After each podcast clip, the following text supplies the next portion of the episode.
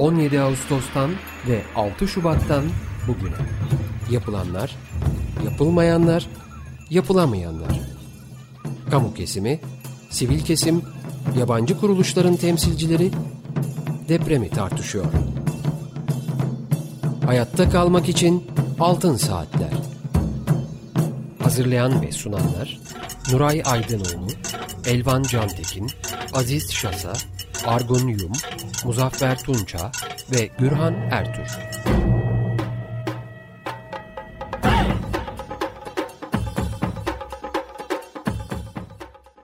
...95.0 Açık Radyo'da Altın Saatler programı deprem özel yayınındayız. Açık Dergi programı yapımcısı İlke, İlksen Mavi Tuna'ya programının ilk saatini bize ayırdığı için çok teşekkür ediyoruz. Programı Mehmet Nuray Aydınoğlu, Argun Yum, Elvan Cantekin, Yağmur Yıldırım ve ben Gürhan Ertür birlikte sunuyoruz. Teknik Masada Burak Muştu sesimizi sizlere ulaştırıyor. Telefon numaramız alan kodu 212 343 40 40. Elektronik posta adresimiz açıkradyo.com.tr Altın Saatler programlarının ses kayıtlarını Açık Radyo'nun internet adresinde podcast bölümünde dinleyebilirsiniz. Efendim şu anda konuğumuz psikolog Suat Özçağdaş hattımızda. Hoş geldiniz Suat Bey.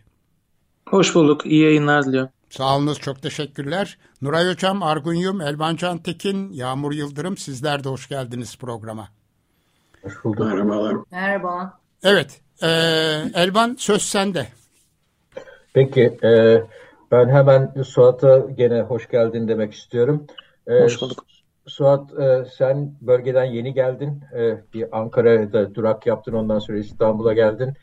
E, o yüzden en güncel bilgileri de senden alabileceğiz. Ama şöyle kısaca baktı şey yaptığımızda de, e, değerlendirdiğimizde sen 19, 17 Ağustos 1999 depremlerinden beri dünyanın sadece Türkiye değil esasında dünyanın da çeşitli yerlerinde e, birçok afet bölgesinde bulundun. Oradaki çalışmaları e, hem bir fiil katıldın hem de e, izleme olanağın oldu.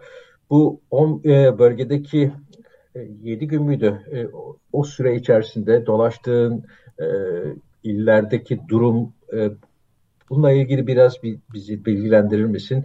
Bir de e, bir e, hani 99 depremleriyle bir karşılaştırma yapmak söz konusu olursa şey açısından öne çıkan noktalar hangileridir? E, bu konuda senin görüşlerini almak istiyoruz. Tabii. Ee, öncelikle şunu söylemek gerekir. Gerçekten e, dünya çapında çok büyük bir afetle karşı karşıyayız. Burası doğru. E, bu neden oldu? Bu kadar büyük afet yaşanmayabilir miydi? Önlemler alınabilir miydi? Afet riskleri azaltılabilir miydi? Burada binlerce eleştiriler yapılabilir, yapılmalı, haklıdır. Ama günün sonunda ortada büyük bir afet var. Ben 99'da senin de söylediğin gibi 17 Ağustos depremiyle birlikte başlayan bir süreçte psikososyal destek alanında çalışmaya başladım. E, o gün bugündür de neredeyse bütün majör afetlerde arkadaşlarımla birlikte öncesinde profesyonel olarak uzun yıllar e, Kızılay Kızılay Federasyonu ile birlikte ve Türkiye Kızılay Derneği ile sonrasında da e, Psikologlar Derneği ile birlikte gönüllü olarak çalıştım çok uzun zaman. E, bu büyük bir afet. E, toplam 11 ili kapsıyor. Bunlardan e, 6 tanesi özellikle çok ciddi e, etkisi olan bu iller. Özellikle Antakya, Kahramanmaraş, Adıyaman, e, Malatya'nın Doğanşehir ilçesi, e, efendim e, Gaziantep'in Islahiye ve Nurdağı e, ilçeleri, Osmaniye merkezi gibi, Adana'nın belli bölgeleri gibi ciddi şekilde etkilenmiş. E, yine Diyarbakır, Urfa'da da belli lokal bölgeler var. E, ama özellikle üç şehir yani çok net bir şekilde tamamen e, neredeyse yıkılmış durumda. Tabii bu durum e, önemli bir insani sorun da beraberinde getiriyor. E, bu tür durumlarda e, can kaybını azaltan, mal kaybını yaşıyorsunuz ama can kaybını azaltan önemli şeylerden bir tanesi ne kadar hazır bulunduğunuz. Yani afet hazırlık dediğimiz, afet biliyorsunuz birkaç e, aşaması olan bir döngüsel bir durum. E, Türkiye'nin afet riskinin azaltılması konusunda e, akıl almaz bir biçimde 25 yılda hiçbir yere gitmediğini görmüş olduk. Bence depremin birinci sonucu bu. Yani afet e, dinleyiciler için belki söylemek gerekir. Yani bir halkası afet riskinin azaltılmasıdır. E, bir halkası afete hazırlık yapılmasıdır. Bir diğer aşaması afet müdahalesidir. Sonra da iyileştirme çalışmalarıdır. Türkiye maalesef bu afet riskinin azaltılma konusunda bir arpa boyu yol alamamış. Bunu görüyoruz. Yani bütün bu binaların durumu vesaire. Tabii burada çok ciddi sorumluluklar var. Yani e, gerek siyasilerin sorumluluğu var, kamu kurumlarının sorumluluğu var, yerel yönetimlerin sorumluluğu var. E, belki en az sorumluluk e, sivil toplumda olabilir. Hani uyarmaya çalıştı. Bilim insanlarında olabilir ama sonuç itibariyle hepimizin sorumluluğu var. Yurttaşların sorumluluğu var. Herkesin sorumluluğu var. E, ben bu meseleyi çok önemli görüyorum. Çünkü e, Türkiye'nin önümüzdeki günlerde de, yıllarda da, aylarda da afete maruz kalacağı kesin. E, neredeyse her yıl majör bir şey oluyor Türkiye'de. Yani işte İzmir depremi oldu, Soma'da maden kazası oldu, sel felaketleri oluyor, en son Bozkurt'ta oldu, e, terörle ilgili konular oluyor. Yani olmayan bir afet yok Türkiye'de. Yani tsunami denemedik e, ama onun dışında hemen hemen her şey oluyor. O yüzden Türkiye'nin bu meseleye çok kafa yorması lazım. Yani afet riskinin azaltılması meselesine çok kafa yorması lazım.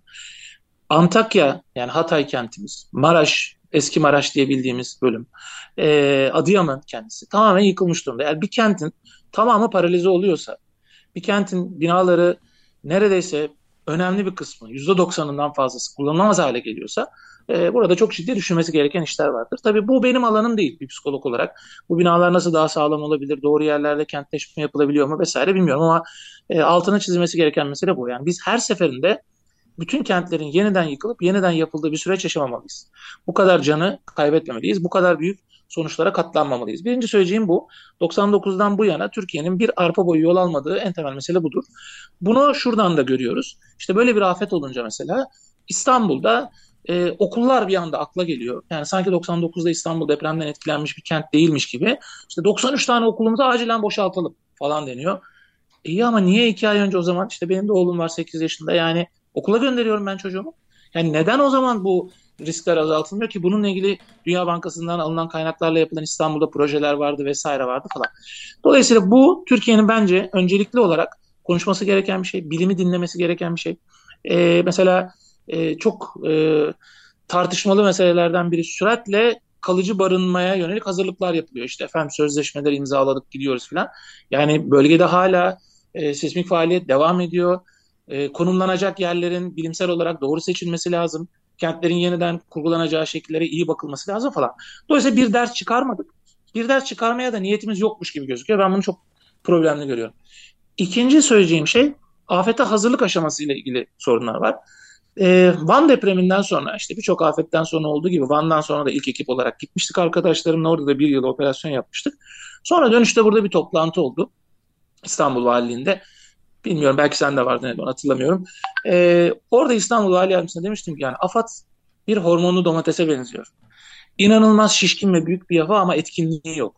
Yani hemen hemen her şeyi bir yerde toplamanın doğru bir koordinasyon olduğunu zanneden bir yapımız var. Bir kere afet müdahale kapasitemizin e, ne kadar sorunlu olduğunu görmüş olduk. Yani 99 depremi gibi bir depremi yaşamış ülkede geçici barınmaya yönelik hazır ettiğimiz kaynakların yetersizliğini, arama kurtarma ekiplerimizin yetersizliğini, e, lojistik olarak o hatları açacak bütün ekipmanlarımızın yetersizliğini görmüş olduk. Aslında ülkede bunlar var.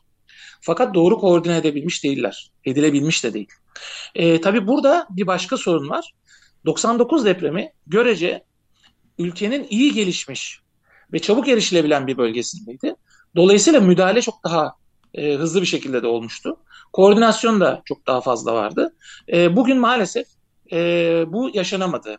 E, yani tabii yetkililerin, siyasilerin işte efendim buralarda şu kadar sayıda insanımız var, bu kadar arama kurtarma yapıyoruz vesaire filan. E, gerçek şu, e, o kentlerden buraya milyonlarca insan geliyor şimdi. Onlardan bu hikayeleri duyacağız. Bu hikayeler gizlenemez. İlk 2-3 gün arama kurtarma faaliyetleri tam bir zafiyet içerisindeydi. Efendim arama kurtarma yok muydu? Yok vardı. Can siperhane, uykusuzca çalışan onlarca, yüzlerce grup vardı. Ama sorun şu, yetersizdiler. Çünkü 130 bin binanın en son al, gördüğüm rakam oydu. Ağır hasarlı ya da yıkılmış olduğu bir e, coğrafyada e, bizim çok daha hazırlıklı olmamız lazım. E peki buna cevabımız şu mudur yani? De asrın bir felaketiyle karşı karşıyayız. Evet. Bu asrın felaketiyle karşı karşıya kaldığımız için ne yapalım? Maalesef böyle oldu. E peki e, sen de arama kurtarma sürecinin içindesin. Daha önce Mahalle Mag'la beraber Mahalle Afet Gönülleriyle çalıştın. Türkiye'nin bir kere model sorunu var bence. Yani bu da benim kelam edeceğim bir bölüm değil ama bence Türkiye'nin bir model sorunu var. Yani ağır arama kurtarma kuşkusuz çok önemli ama hızlı bir şekilde mahalle örgütlenmeleriyle yerelde eğitimler vererek insanların birbirini kurtarabilecekleri modellere ihtiyacımız var. Bu önümüzdeki olası umarım olmaz, umarım çok geç olur ama olacağını biliyoruz. İstanbul depremi içinde, İzmir içinde, başka bölgeler içinde çok gerekli olan bir şey. Toplumu örgütleme meselesinde 25 yılda hiçbir yol alamadığımızı, hiçbiri yani çok küçük anlamında söylüyorum, yol alamadığımızı görüyoruz. Nitekim e, gördüğümüz öykülerin önemli bir kısmının da aslına bakarsanız yine yereldeki insanlar organizasyonuyla yapılmış işler olduğunu görüyoruz. Bence bu afete hazırlık meselesi de özel olarak konuşulması gereken işlerden biri. Örnek olarak söylüyorum, e, termal kameralar, arama köpekleri, arama kurtarma ekipleri bunların hepsinde yapılabilecek işler var. Yani ilginç bir örnek olarak söylemiştim. Rakam ne kadar doğru bilmiyorum ama Türkiye'de sertifikalı e, çok az sayıda köpek olduğunu duymuştum. E, 10-12 civarında olduğunu duymuştum. E valla Türkiye 99 yılında karar verseydi yaklaşık 25 yıl ne kadar yararlı olduğunu da gördük e, bu canlıların. Her yıl her kentte bir tane yetiştirmiş olsaydık 80 tane 25 yılda 2000'in üzerinde arama kurtarma takımımız olurdu. E, böylesi muhteşem bir iş yapacak canlılarla beraber. Demek ki burada da sorun var. Yani burada bir arpa boyu yol gidememiş görünüyoruz. Üçüncü e, olarak da söyleyebileceğim şey şu. Ciddi bir koordinasyon meselesi var. Yani örneğin AFAD'ın yıkılmış binası var. Şimdi ben bu alanda çalışmaya başladıktan sonra bir program dahilinde e, Amerika'da bir programa e, dahil olmuştum bir ay. Altı tane afet müdahale merkezlerini gezdim. Yani bir kentte bütün binalar yıkılabilir ama en son yıkılması gereken bile afet müdahale merkezidir. Yani eğer siz afet müdahale merkeziniz yıkılıyorsa, afet müdahale merkezleriniz işlevsel pozisyonda değilse sizin orayı koordine etme şansınız yok. Bir başka sorun da bu. Biz buradan bir şey öğrenmemişiz. Ben Van'da e, gittiğimde AFAD'ın merkezine gitmiştim. İnsanların birbirini bulmasına izin vermeyen bir mimari yapı vardı. Labirent gibi. Hiç kimse kimseyi bulamıyordu. Hala o yapıyı kullanıyorlar mı bilemem. E, aynı şey bugünkü depremde de oldu. Yani bizim bu afet koordinasyon meselesini yeniden bilim insanlarıyla birlikte ve dünyadaki örnekleriyle birlikte düşünebilmemiz gerekir açıkçası. Bu bir bu bir, bir alan, bu bir bilim alanı. E, afet müdahale de böyle bir alan. Ve bence burada bir takım kabullerimiz var. E, yine o toplantıda söylemiştim. Biz hep e, valilerimizle, kaymakamlarımızla e, hemen hızlı bir şekilde aksiyon alarak yönetmeye çalışıyoruz. Ama bunun dünyadaki standartları var ve bu idarecilerimiz bu standartları bilmiyorlar. Örneğin Van'dan sonra yazdığım raporda burada çok ciddi bir yangın tehlikesi var. Çünkü buradaki çadır kentler Sphere kurallarına göre yapılmamış diye yazmıştım. Çok haber oldu ve maalesef çok sayıda çocuğumuzu ve ailemizi Van'da yangınlarda kaybettik hatırlarsınız. Çünkü bunun kuralları var. Yani benzer soru zaman... be, pardon benzer soru burada da var. Ben de çok endişe ediyorum ondan. O şu anda ah. gördüğüm bu çadır kentler ve konteyner kentlerin yerleşimi korkunç. Ee, orada gerçekten büyük problemlerle karşılaşmamız söz konusu olabilir. Ee, burada bir uyarı yapalım ha. Aynen öyle. Çünkü mülki idari amirleri doğal olarak bu konuda eğitilmiş insanlar değil. Yani burada bir kent yönetmiyoruz. Burada bir afet yönetiyoruz. Bu afeti yönetecek olan ekiplerimiz olması lazım. Türkiye'nin şöyle bir karar vermesi lazım. Benim 20 ilimde aynı anda afet olabilir. 100 ilçemde aynı anda afet olabilir. Benim 100 tane orayı yönetecek insanım hazır olması gerekir demek. Ve bu olabilir. Yani bütün bunlar illerdeki yerlerde olabilir. Bunlarla ilgili hazırlıklar yapılabilir. Şimdi buraya bağlanan biri diyebilir ya bizim bütün bu hazırlıklarımız var. Bunların hepsi kağıt üstünde var. Gerçekte yok kağıt üstünde olan şeyler mış gibi oluyor. Olmuyor. Nitekim burada da bunu yaşadık. Yani insanlarımız organize oldular. E, afette arama kurtarma ekiplerimiz organize oldular. E, kendi araçlarıyla birlikte afet alanına intikal edemediler. Afet alanına gidenler araçlarına kavuşamadılar. Dolayısıyla buralarda çok düşünmemiz gereken şeyler var. Bunları yeniden e, kurgulamamız gerekiyor. Bunlar bizim temel sorunlarımız. Ve maalesef 25 yılda buralarda bir ilerleme olmadığı gibi geriye gittiğimiz konular da var. Örneğin toplumun sonuç itibariyle en örgütlü kurumları polisler, askerler değil mi? Bunlar sonuçta sürekli aynı yerde yaşayan insanlar. Özellikle askerler, ordu yani her gün aynı mekanda da yaşayan insanlar. Yani Türkiye'nin bugünkü sayılar zannediyorum 400 bin üzerinde bir ordusu var. Malatya'da 120 bin kişilik bir ikinci ordusu var. Ve maalesef 99 depreminde en azından ordu hızlı bir şekilde devreye sokulabilmişti. Bu meseleler bütün tartışmaların dışında bir mesele. Çünkü elinizde bir afet müdahale yapacaksanız en organize, birlikte yaşayan, başka birini kurtarma derdi yani kendi ailesiyle ilgili sıkıntısı olmayan e, vatani görevi için bir araya gelmiş insanlar, eğitimli insanlar var, onların komutanları var. Süratle asayişi sağlayabilirsiniz, yol koordinasyonunu sağlayabilirsiniz, hafif arama kurtarmaya destek verebilirsiniz. E 99'da bu vardı. Bugün yok. Şimdi aradan günler geçtikten sonra, bir hafta on gün sonra yanılmıyorsam e, bakanlardan bir tanesi kalktı dedi ki 3000 kişi var dedi. Ya Allah aşkına yani net olarak etkilenen 40'ın üzerinde ilçe var. 40'ın üzerinde. Bu ilçeler büyük ilçeler. Yani bunların içinde kent merkezleri var. Düşünsenize yani bunların her birine bin kişi koysanız yetmez ama 40 bin kişi yapması gerekir. Yani 3 bin kişiyi büyük bir ekipmiş gibi var ya işte askerlerimiz gibi. Ve nitekim e, özellikle Antakya'da güvenlikle ilgili sorunlar yaşandı. Asayişle ilgili sorunlar yaşandı. Aynı zamanda organize bir grubun gelmiş olması. Yani e, bunlar afet alanında önemlidir. Yani kendi teçhizatları olan, e, başkasına ihtiyaç duymayan, kendi güvenliğini alabilen, işte e, giydikleri kıyafetleriyle, üniformalarıyla insanlara bir güven veren, ha işte devlet burada, arama kurtarma burada diyebilecek ve insanlara da moral aşılabilecek bir fırsatı da kaybettik. 99'dan bu yana önemli konulardan biri budur. Bir başka şeyi söyleyeyim. Ee, mesela biz bir maden ülkesiyiz aynı zamanda. Çok madencimiz var bizim ve biz madenleri sadece kötü olaylarda yaşıyoruz. İşte Soma'da da çalıştık biliyorsunuz bir yıl o acı olaydan sonra orada hizmet verdik psikologlar olarak. Fakat madenciler müthiş bir doğal arama kurtarma ekibi. Yani çünkü yerin 1000, 2000, 3000 metre altında her gün tırnak içinde söylüyorum antrenman yapan, her gün yıkılmaması için birlikte teknikler kullandıkları arama yani e, bir çalışma yapan bir ekip bu. Ve biz yani madencilerimizi bile sahaya göndermekte zorlandık ve günlerce e, 70-80 madenci gidebildi ve birçok madenci beklemek zorunda kaldı. Bunların her birini oturup tek tek düşünmemiz lazım. Yani bunları niye yapamadık diye. Ben madencilerle e, 17 Ağustos depreminde de 12 Kasım depreminde de Düzce'de de müthiş bir özveriyle çalıştıklarını gördüm. Yani bizim gibi kentli insanlar oraya gittiğimizde 3 saat, 5 saat, 10 saat, 1 gün, 2 gün belli bir noktadan sonra tabii ki kondisyon meselesi bu. Ama ya o müthiş madenciler gerçekten yani bir lokma bir şeycik yiyip yarım saat bir saat uyuyup tekrar alanlara o müthiş profesyonel bilgilerle girdiler. Türkiye bundan da yararlanamadı. Alın size 99'la kıyaslayabileceğim hani başka bir şey de bunu söyleyebilirim. E, ve belki sonrasında daha yani uzun da açarız konuşuruz. 99 depreminde hem coğrafyanın yakınlığı nedeniyle hem de ülkedeki özgür ve özgürleşme ortamı nedeniyle sivil toplum inanılmaz bir hızla müdahale etme şansına sahip. Yani bugün içinde olduğumuz durumda yardım toplamanız bile yasak. Yani sadece deniyor ki siz şu şu iki kuruma verebilirsiniz yardım. Vatan üçüncü bir kurum çıktığında o kuruma saldırılar oluyor. Dördüncü bir kurum çıktığında siz bunu toplayamazsınız. Oysa 99 depreminde birçok insan e, inanılmaz bir dayanışmayla sahaya gitmişti. E, birçok örgüt öyle kuruldu. E, afetlere müdahaleyle ilgili STK'lar, dernekler, vakıflar öyle kuruldu. E, insanların en azından müdahale hakları, şansları vardı. E, yani sahaya gitmek için özel izin almanız gereken prosedürel süreçler yaşandı. Kuşkusuz şuna katılırım. Yani çok deorganize bir şekilde sahaya gitmek işleri bazen aksatabilir. Ama sizin eğer perspektifiniz olabilecek bütün yardımları süratle sahaya intikal ettirelim ve biz orada koordine edelim olursa burada bir sorun olmaz. O yüzden bunu da çok önemli bir eksiklik olarak not etmek isterim. Yani bütün bunlara baktığınızda yani bu da afet müdahale ile ilgili bir alan.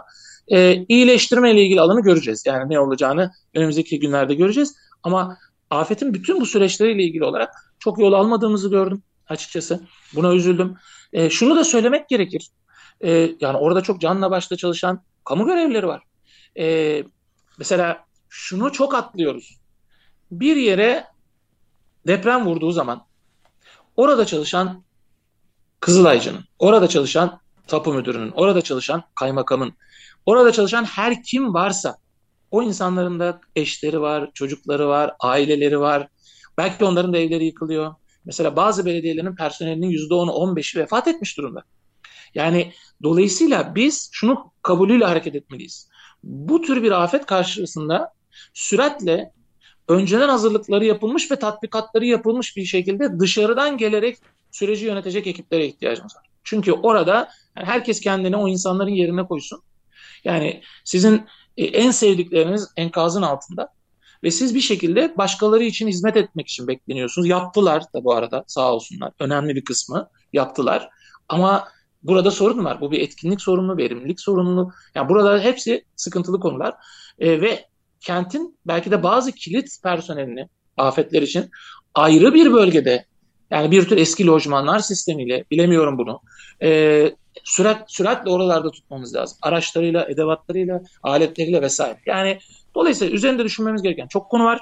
E, lojistikle ilgili çok sorunlar yaşandı. E, hepimiz bunları gördük. İlk 2-3 gün e, afet bölgesine ulaşmaya çalışan çok sayıda tır, çok sayıda kurtarma ekibi daha öndeki bölgelerdeki karlı Suat, bölgelerde. Suat Bey bir, bir küçük ara vermek zorundayız. Sonra tabii, devam tabii, edeceğiz. Tabii. Tabii evet. ki tabii ki. Bir ara veriyoruz. Reklamımız var. Arkasından da bir müzik parçası dinleyip yeniden bir arada. Açık Dergi'nin ilk saatinde Altın Saatler programı deprem özel yayınındayız ve psikolog Suat Özçağdaş arkadaşımız bizimle birlikte. Evet Elvan nasıl devam ediyoruz? Evet şöyle esasında Suat'ın anlattıkları e, daha çıkardığımız sonuç şu. Yani e, bir afete müdahalenin e, mutlaka zamanında olması, verimli ve etkin olması e, arzulanır. E, bu şekilde bir amacımız vardır afete müdahalede. Ancak bunun başarılabilmesi için de afet yönetiminin Suat'ın da bahsettiği o ilk iki evresinin yani afet risklerinin azaltılması ve afete hazırlık evrelerinin başarılı bir şekilde yerine getirilmiş olması lazım. Türkiye'de ne yazık ki bu iki evre yeterli e, şekilde gerçekleştirilmediği için afete müdahalede bir takım sorunlar yaşadık.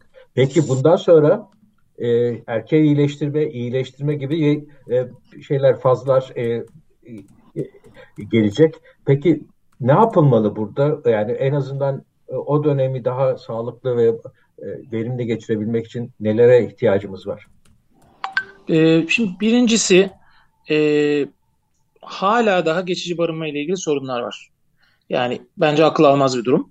E, evet 360 bin çadır falan söyleniyor ama sonuçta 130 bin evin yıkılmış ağır hasarlı olduğu ve 13,5 milyon insanın yaşadığı hala en az 7-8 milyonun bölgede olduğu bir yerde e, geçici barınma alanları ile ilgili çok daha hızlı hareket edilmesi lazım. E, bu barınma alanlarının da e, özellikle e, aşırı kalabalık durumda bazıları e, böyle bir sorun var. Bazı yerlerde bir planlamayla ilgili şeyler var. Dolayısıyla bu barınma meselesi kritik. Barınmayla beraber aynı anda da e, sanitasyon, e, hijyen meselesi kritik. Böyle de çok ciddi bir şekilde duş, tuvalet, e, temiz çamaşır, e, çamaşırların yıkanması vesaire gibi e, alanlara ihtiyaç var. Özellikle çocukların, özellikle kadınların e, burada daha e, özel ihtiyaçları var. Buraya dikkat çekmek istedim. E, evet beslenme için yani seferber olunuyor. Zaten depremden buraya geçmiş e, 17 gün. 17 günün sonunda tabii ki orada artık bir kap işte ne bileyim çorba, bir kap, bir yemek bir şeyler verilecek tabii veriliyor. Ama bir takım özel ihtiyaçları olan gruplar var. Ee, örneğin nadir hastalıklara sahip olan insanlar var. Buralara dikkat edilmesi gerekiyor. O yüzden bu sanitasyon ve hijyen meselesine dikkat çekmek isterim. İlk iki gün, üç gün, dört gün duş almayabilirsiniz ama zaman içerisinde bu da çok ciddi bir toplum sağlığı ile ilgili mesele haline geliyor. Ee, üçüncüsü e, bir vaka yönetimine de ihtiyaç var. Yani hala çadır alamayan insanlar var. Bu e, lojistik hatlarından yararlanamayan insanlar var. Yani bizim nerede kimimiz var? Kim alabiliyor, kim alamıyor daha iyi e, bakmak lazım. E, bu yönlerde talepler var. E, iyi işler yapılan e, ilçeler, iller var. Daha organize e, olan yerler var. E, biraz daha sıkıntılı e, olan yerler var. Buralarda daha bir mikro seviyede bakmak gerekiyor. Onu söylemek gerekir. Köylere özel bir gözle bakılması gerekiyor. E, köyler Tabii afet çok büyük olduğu için bir an önce kent merkezlerine doğru e, gidilmeye çalışıldığı için e, köyler daha geç yardım alabildiler. Gerek arama kurtarma gerekse lojistik açısından. E, köylere bir gözle bakmak lazım. Tabii köylerin önemli bir bir başka boyutu orada çok ciddi bir e, canlı hayvan popülasyonu da var.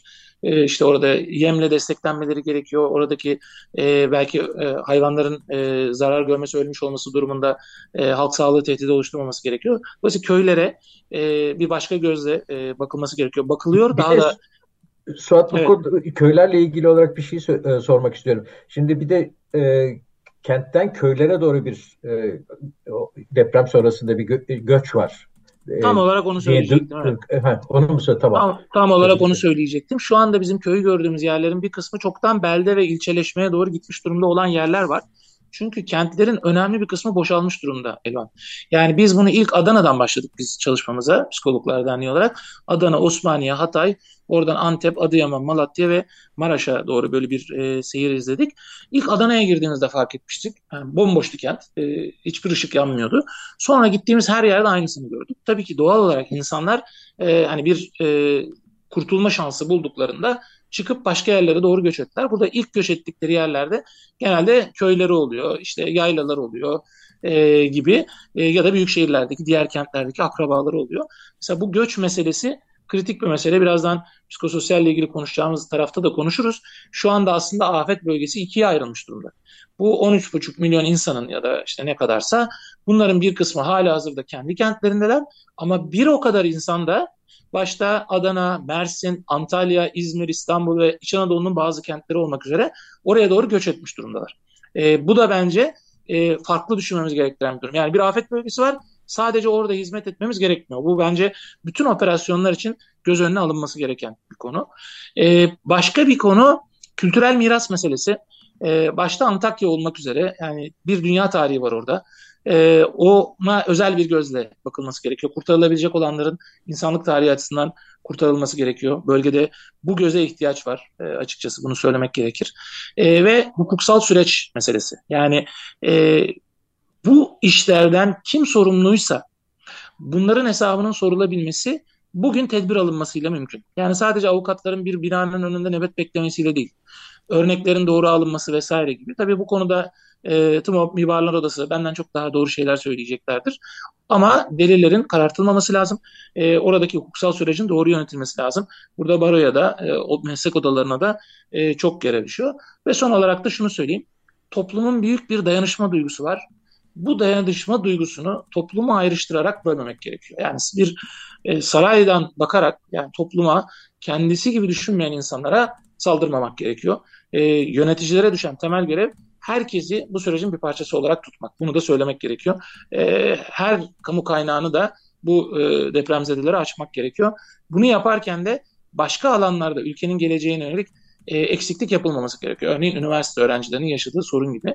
E, bir yeri düzeltmeye çalışırken diğer tarafları değil, kamunun kaynağı ellerimizde olan kamu binaları, işte ne bileyim saraylar, ne bileyim e, bir takım boş konutlar vesaire gibi alanları kullanmak gerekiyor. Çünkü milyonlarca insan göç edecek.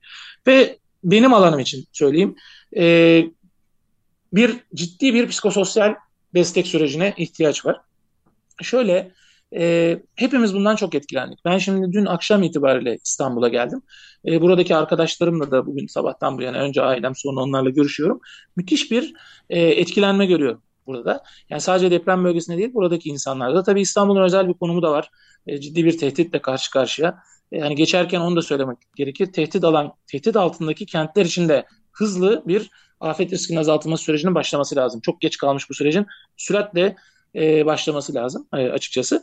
Fakat e, büyük bir travmayla karşı karşıya kaldık. Yani resmi rakamlara göre zannediyorum en son 42 bin küsurdu, 42 bin 310 kişi.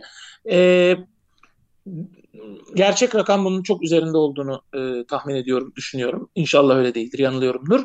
Bu kadar kaybın olduğu bir durum. Bu kadar sosyal medyanın, bu kadar televizyonların işlediği bir durumda bütün toplum olarak aslına bakarsanız bu süreçleri yaşıyoruz.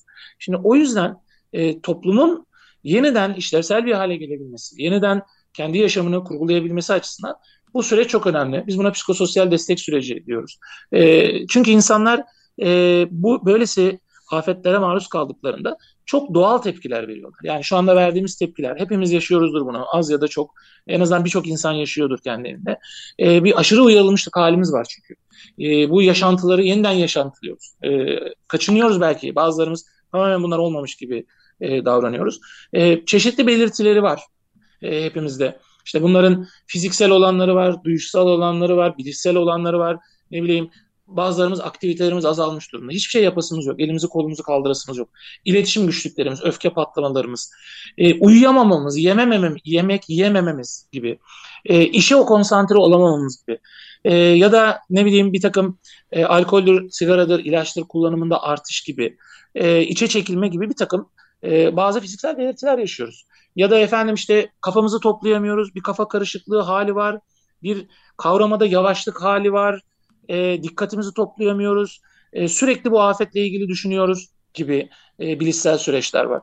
Huzursuzluk gibi, üzüntü gibi ki çok normal bunlar. Rahatsız edici rüyalar görmek gibi, suçluluk duymak, umutsuzluk duymak, bizim örneğimizde çaresizlik duygusu gibi çok fazla sayıda e, duygusal duygusal e, süreçler var. Yine e, bunların yansıması olarak yani tüm bu tepkilerin yansıması olarak ailemizden arkadaşlarımızdan uzaklaşmak gibi e, aktivitelerimi azaltmak gibi sürekli bu yaşadığımız dinlediğimiz işleri anlatma ihtiyacı içinde olmak gibi öfke patlamaları ağlama nöbetleri gibi e, birçok sayıda da davranışsal ve sosyal tepkilerimiz var. Dolayısıyla bu e, hepimizin yaşadığı bir süreç. En çok tabii ki afete maruz kalmış, e, afeti deneyimlemiş, depremi deneyimlemiş kişilerde. E, tabii e, ondan sonra onlara hizmet vermiş olan çalışanlar olmak üzere, gönüllüler olmak üzere ve ardından da biz. Yani ikinci bir travmaya maruz kalan diğer büyük toplum kesimleri hepimizde az ya da çok etkisi var. Bu tür afetlerde böyle bir şeyle karşılaştığımızda toplumun büyük bir kısmı doğru müdahaleler yapıldığında, e, onlara yeterli destek verildiğinde çok önemli bir sonuç yaşamadan tabii ki üzüntülerini yaşayarak, tabii ki e, sıkıntılarını yaşayarak ama e, belirli bir vadede e, bu sıkıntıyı atlatırlar. E, doğru psikososyal destekler olursa bu e, toplum temelli çalışmalardan bahsediyorum. Böylesi bir afette e, doğrudan bireysel e, bir yaklaşımla yaklaşmamak. E, dünyanın da kabul ettiği bu. E, tabii ki bireysel destek alacak olan yurttaşlar da olacaktır. Arama kurtarmacılar olacaktır, çalışanlar olacaktır. E, sadece burada olup etkilenenler olacaktır ama öncelikle toplum temelli bir psikososyal destek e, müdahalesi yapmamız lazım. Bunun için de toplumsal dayanışmanın insanlar tarafından hissedilmesi e, çok önemli. Paylaşımlar çok önemli. Biz de e, geldik raporumuzu hazırladık. Bugün kamuoyuyla paylaşacağız. E, şu saatlerde e, yakın bir zaman içinde Psikologlar Derneği'nden e, yayınlanıyor olacak e, bizim de raporumuz. E, birincisi e, en temel tespitimiz iki afet alanımız var. Bir tanesi mevcutta yaşanılan yer, bütün bu iller. Bir tanesi de göç alan kentler. Çünkü bütün bu depreme e, maruz kalan, depremi yaşayan insanlarımız bu kentlere geldiler ve üçüncü grup olarak tabii ki bizim gibi insanlar. E, dolayısıyla bütün kurgumuzu buna göre yapmalıyız. İkincisi toplum temelli çalışmalar yapmalıyız. E, özellikle çocuklar gibi, kadınlar gibi, yaşlılar, ergenler ki çok unutulan bir gruptur e, afet operasyonlarında. E, buna dikkat etmek gerekir. Özel ihtiyacı olan gruplar gibi e, ve e, engelliler gibi gruplar için özel ihtiyaçlarını göz önüne alan e, bir takım e, destek çalışmalarına ihtiyacımız var. Genellikle afet operasyonları siz de biliyorsunuz çok bir genel insan tipine e, yöneliktir. Oysa e, örnek olarak söylüyorum siz düzenli bakım alan ya da akut tedavide olan bir bireyseniz şu an itibariyle bütün bu tedavi süreciniz durmuş demektir. Oysa sağlık beklemez. Dolayısıyla bu ve bunun gibi meseleleri de göz önüne alan, işte işin sosyal boyutu budur. Bunlar göz önüne alınırsa o zaman psikolojik belirtilerle ilgili olarak daha olumlu bir noktaya gelinir. O nedenle bütün bunları göz önüne alan operasyonlara ihtiyacımız var. Evet Elvan. Ee, peki e, bu e, toplum temelli destek dedin. Bunun konusunda biraz daha açar mısın? Yani ne yapılabilir? Orada e, depreme maruz kalmış olan insanların günlük yaşantı içerisinde daha fazla katılımları, kendi problemlerini kendi çözebilme e, yetisinin e, geliştirilmesi falan gibi bir takım çalışmalardan bahsediyoruz yoksa daha başka şeyler de mi var? Şimdi öncelikle şu, temel ihtiyaçların barınma, beslenme, temizlik, e, gibi süratle e, o bölgede tesis edilmesi lazım. En temel ihtiyaç bu. Bu yapılmasıyla birlikte buradaki gruplara özgü olarak çalışmaların yapılması lazım. Örneğin çocuklar yalnızca kendileri açısından değil, aynı zamanda başta anneleri olmak üzere, babaları olmak üzere e, ve diğer yetişkinler olmak üzere ailede çok önemli bir grup. Çocuklara bir an evvel e, bir tür okullaşma, bir tür belirli bir alanda birlikte e, zaman geçirme fırsatı yaratılması lazım. Şu anda da çadır kentlerde e, Aile Sosyal Hizmetler Bakanlığı'nın e, birkaç tane çadırları var. Biz gördük. Orada bizim meslektaşlarımız, psikologlar, sosyal hizmet uzmanları, psikiyatristler, e, PDR uzmanları e, çalışıyorlar. Bunların süratle güçlendirilmesi lazım. Biz de e, dernek olarak bakanlıkla birlikte çalışıyoruz. Sahaya çok daha fazla sayıda uzman arkadaşımızı göndermeye çalışıyoruz. Çünkü çocuklar rutini sever.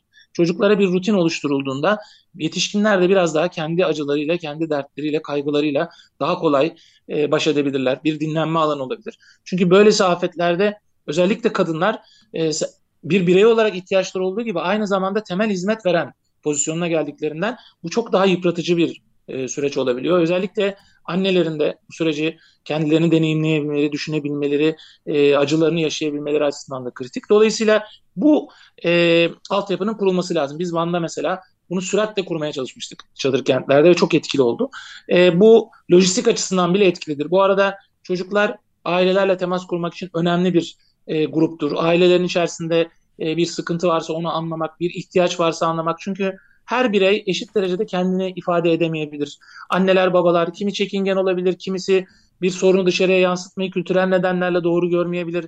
İstenmeyen şiddet ve benzeri başka meseleler söz konusu olabilir. E, yardımlardan yararlanama durumu, durumu söz konusu olabilir. Dolayısıyla bütün bunlar açısından da e, kıymetlidir bu e, düzenin sağlanması. E, yaşlılar e, çokça atlanan bir gruptur. E, onların mesela şu anda refakatsiz kalmış olan yaşlılar var. Yani bakımından sorumlu olan kişileri kaybettikleri için mesela ya da kendileri normal bir e, kent yaşamında bir fonksiyon gösterebilirken şu anda e, o altyapı ortadan kalktığı için e, çok ciddi sorunlar yaşayanlar e, olabilir. Özel bir gruptur. Dikkat edilmesi gerekir.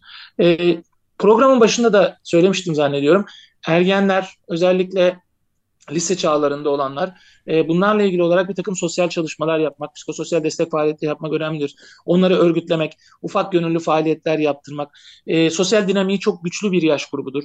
O sosyal dinamikten yararlanarak birbirlerinin sağaltım süreçlerine destek vermelerini sağlamak mümkün olabilir. Bunun için grup çalışmaları yapmaya çok müsait bir gruptur. Kendileriyle birlikte topluma da dönüşü olan bir gruptur. E, onlarla yapılacak faaliyetler e, olacaktır. E, biraz önce söyledim özel e, ihtiyaçları olanlar olacaktır.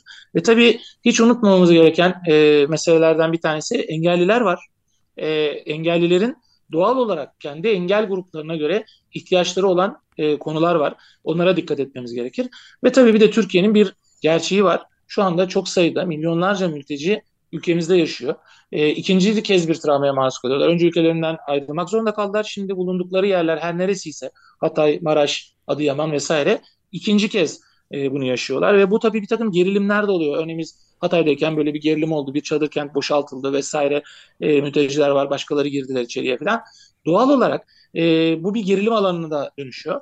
E, kentler boşalıyor. Kentler boşaldıkça oradaki demografik yapı e, buna göre değişiyor doğal olarak. E, o yüzden bu da yine e, göçle ilgili çalışan kurumların e, özellikle hassas olması gereken, çalışması gereken e, bir alan. E, özellikle dil bariyeri gibi konularda da desteğe ihtiyaç var. Yani diyeceğim e, buradaki bütün grupları gören, bütün gruplara e, bir biçimde destek veren, e, algılayan bir şeye ihtiyacımız var. Biz burada ne yapıyoruz? E, onu da söyleyeyim. Bir, e, bu merkezlerde yani bu e, sorunların yaşandığı merkezlerde Psikologlar Derneği olarak e, başlangıç olarak 8 noktada e, psikolog arkadaşlarımızla beraber yine diğer meslek gruplarındaki arkadaşlarımızla birlikte ben şunu söylemek isterim. Yani Türkiye'nin bence mutlu olması gereken, övünmesi gereken işlerden biri. 99 depreminden bu yana bizim sektörümüzdekiler en azından psikologlar, psikiyatristler, sosyal hizmet uzmanları, PDR çalışanları birlikte afet operasyonları kurduk. Yani bu 17 Ağustos'ta da böyleydi, Van'da da böyleydi, Soma'da da böyleydi, e, efendim Hatay sel felaketinde de böyleydi e, filan. Dolayısıyla bence bu, bu çok önemli bir şey. Başka grupların da buna ihtiyacı var bence. Yani kentleri yeniden tasarlayacak olan meslek gruplarının, hasar tespiti yapacak grupların falan gibi. Ama bizim sektörümüzün çok kıymetli bir şey olduğunu düşünüyorum. Yine bu arkadaşlarımızla birlikte oralarda hizmet vereceğiz. Aile Sosyal Hizmetler Bakanlığı'nın e, çadır kentlerde ve konteyner alanlarda e, mekanları olacak. E, biz buradan e, gönderdiğimiz arkadaşlarımızla birlikte onları toplu bir alanda tutup Aile Sosyal Hizmetler Bakanlığımızın e, kurmuş olduğu alanlarda veya diğer sivil toplum örgütlerinin, e, diğer bakanlık kurumlarının da belki olabilir. E, bunların alanlarına destek vereceğiz. E, bizim hesaplarımıza göre bir yılda, bir yıl kadar en azından başlangıç olarak kalınması gerektiğini düşünüyoruz. 4000'in üzerinde psikoloğa ihtiyacımız var. E, belki bu sayının daha fazla artması durumu da söz konusu olabilir. E, bu e, 8 noktada başlangıç olarak yapacağımız e, ve bunların tabii mobil ekipleri de olacak. Yani yalnızca e, çadır kentler de değil. İşte çok sayıda köy var. Köylerin bir kısmı olmuş büyük konteyner kentleri haline dönüşmüş durumda. E, bunları da gezerek, bunların ihtiyaçlarını da görerek topluma doğru grup müdahaleleri yapmamız lazım. Çünkü bunları yaptığımızda e, daha sonraki zamanlarda görülebilecek, e, ilerleyen aylarda, yıllarda görülebilecek e, bir takım post travmatik e, sorunları engellememiz mümkün. Dünya literatürde böyle. Doğru müdahale, doğru destek e, yapılabilirse bunları sağlamak mümkün. Bizim hedefimiz de bu. Bir ana operasyon ayağımız bu. Diğeri de hala hazırda başladı. Bizim Psikologlar Derneği olarak e, Ankara'da genel merkezimiz var. E, İstanbul, İzmir, Bursa, e, Antalya, Eskişehir, e, Samsun e, şubelerimiz var. Buralarda ve diğer arkadaşlarımız da kendi e, kentlerinde Psikologlar Derneği'ne bağlı olanlar hali hazırda göç etmiş olan e, yurttaşlarımıza yönelik e, hizmetleri başlatmış durumdayız. E, bu ikinci e, ana alanımız. Yani belki bir psikolog arkadaşımız afet bölgesine e, işte bir 7-8 gün gidecek ama geri kalan dönemlerinde de kendi kentinde gönüllü olarak hizmet vermeye çalışacak. Bu bizim meslek grubu olarak çok içselleştirdiğimiz bir süreç. Afetlerden sonra gönüllü olma meselesi bunu yapacağız.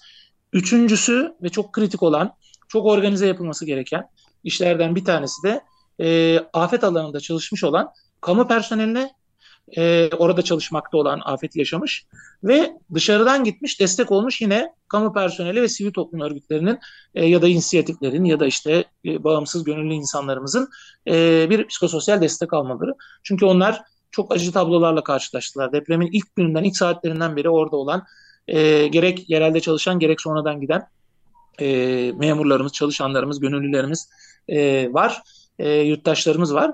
Onlara yönelik olarak da bizim çalışana desteklediğimiz modüllerimiz var. E, uzman hocalarımızla birlikte, psikologlarımızla birlikte e, bunları sağlayabiliriz. Tabii e, iyi bir haber olarak şunu söyleyebilirim. 99'da biz bunu başladığımızda dünya için çok yeni bir alandı. Bir Amerika'da vardı biraz afet psikososyal çalışmaları. Bir Danimarka'da büyük bir gemi kazası olmuştu. Orada biraz bir şeyler vardı. Aslında Türkiye depremi e, psikososyal müdahaleler açısından dünya içinde bir laboratuvar örneği yaşadı. Dolayısıyla Türkiye bu alanda dünyadaki birçok ülkeden bütün meslek grupları için söylüyorum Türkiye'de e, önde bir e, durumumuz var. E, ben okuduğum zaman e, 90'lı yıllarda e, 97 mezunuyum ben. O zaman 9 üniversite vardı. Şimdi 100'ün üzerinde e, sadece psikoloji alanında var. Diğer alanlarda da e, saydığım meslek gruplarında da çok sayıda alan var. O yüzden bunlar da aslında e, ileriye gitmiş olduğumuz şeyler. Örneğin e, hazır eğitim materyallerimiz var. Hazır eğitimler almış arkadaşlarımız var. E, kamu kurumlarında zamanında yapmış olduğumuz çalışmalarımız var. E, örneğin Aile Sosyal Hizmetler Bakanlığı'nın birçok personeli bunları önceden aldılar bu hizmetleri. E, ve şu anda da sahada gerçekten iyi işler yapan e, il müdürlüklerinden arkadaşlar var. Onları görüyoruz. Gezdik, dolaştık hepsini. Hemen o aldıkları eğitimler çerçevesinde, e, eldeki imkanlar çerçevesinde sistemi kuranlar var. E, hep birlikte e, tüm bu yurttaşlarımız için elimizden gelen her şeyi yapmamız gerekiyor. E, burada da e, beklentimiz e, sivil toplumun biraz daha özgür bırakılması, insanların kendi yardım yapmak istedikleri, kendi destek olmak istedikleri kurumlara desteklerini rahatlıkla sunabilmeleri ve herkesi toplayan, birleştiren, bir araya getiren e, barışçıl, insancıl, e, kapsayıcı bir dile ihtiyacımız var. Çünkü toplumlar ancak dayanışmayla e, kendi e, yaralarını e, toplayabiliyorlar. Dolayısıyla hani belki de psikologlar olarak söyleyeceğimiz birbirimize esirgememiz lazım. Hangi siyasal görüşten olursa olsun e, birbirimize esirgememiz lazım. Ve toplumun dayanışma dinamiklerini ortaya çıkaracak olan her türlü operasyonu, her türlü kurumu desteklememiz lazım. Benim e, görebildiğim bu. Evet, e, senin söylediklerinden anladığım kadarıyla e, aslında belki de üç değişik alanda çalışma yapılması gerekiyor. Bir yılı aşkın en azından e, bir süre bu çalışmanın devam etmesi gerekiyor. Bu anlamda gerçekten insan kaynağı olarak, maddi kaynak olarak çok ciddi bir ihtiyaç ortaya çıkıyor. Bunu sağlama konusundaki şartlar nedir şu anda? Bu bunlar var mı? Mümkün mü? E, şöyle çok sayıda e, kurumla görüşüyoruz. Desteklerini e, vermek isteyen kurumlar var, yurttaşlar var.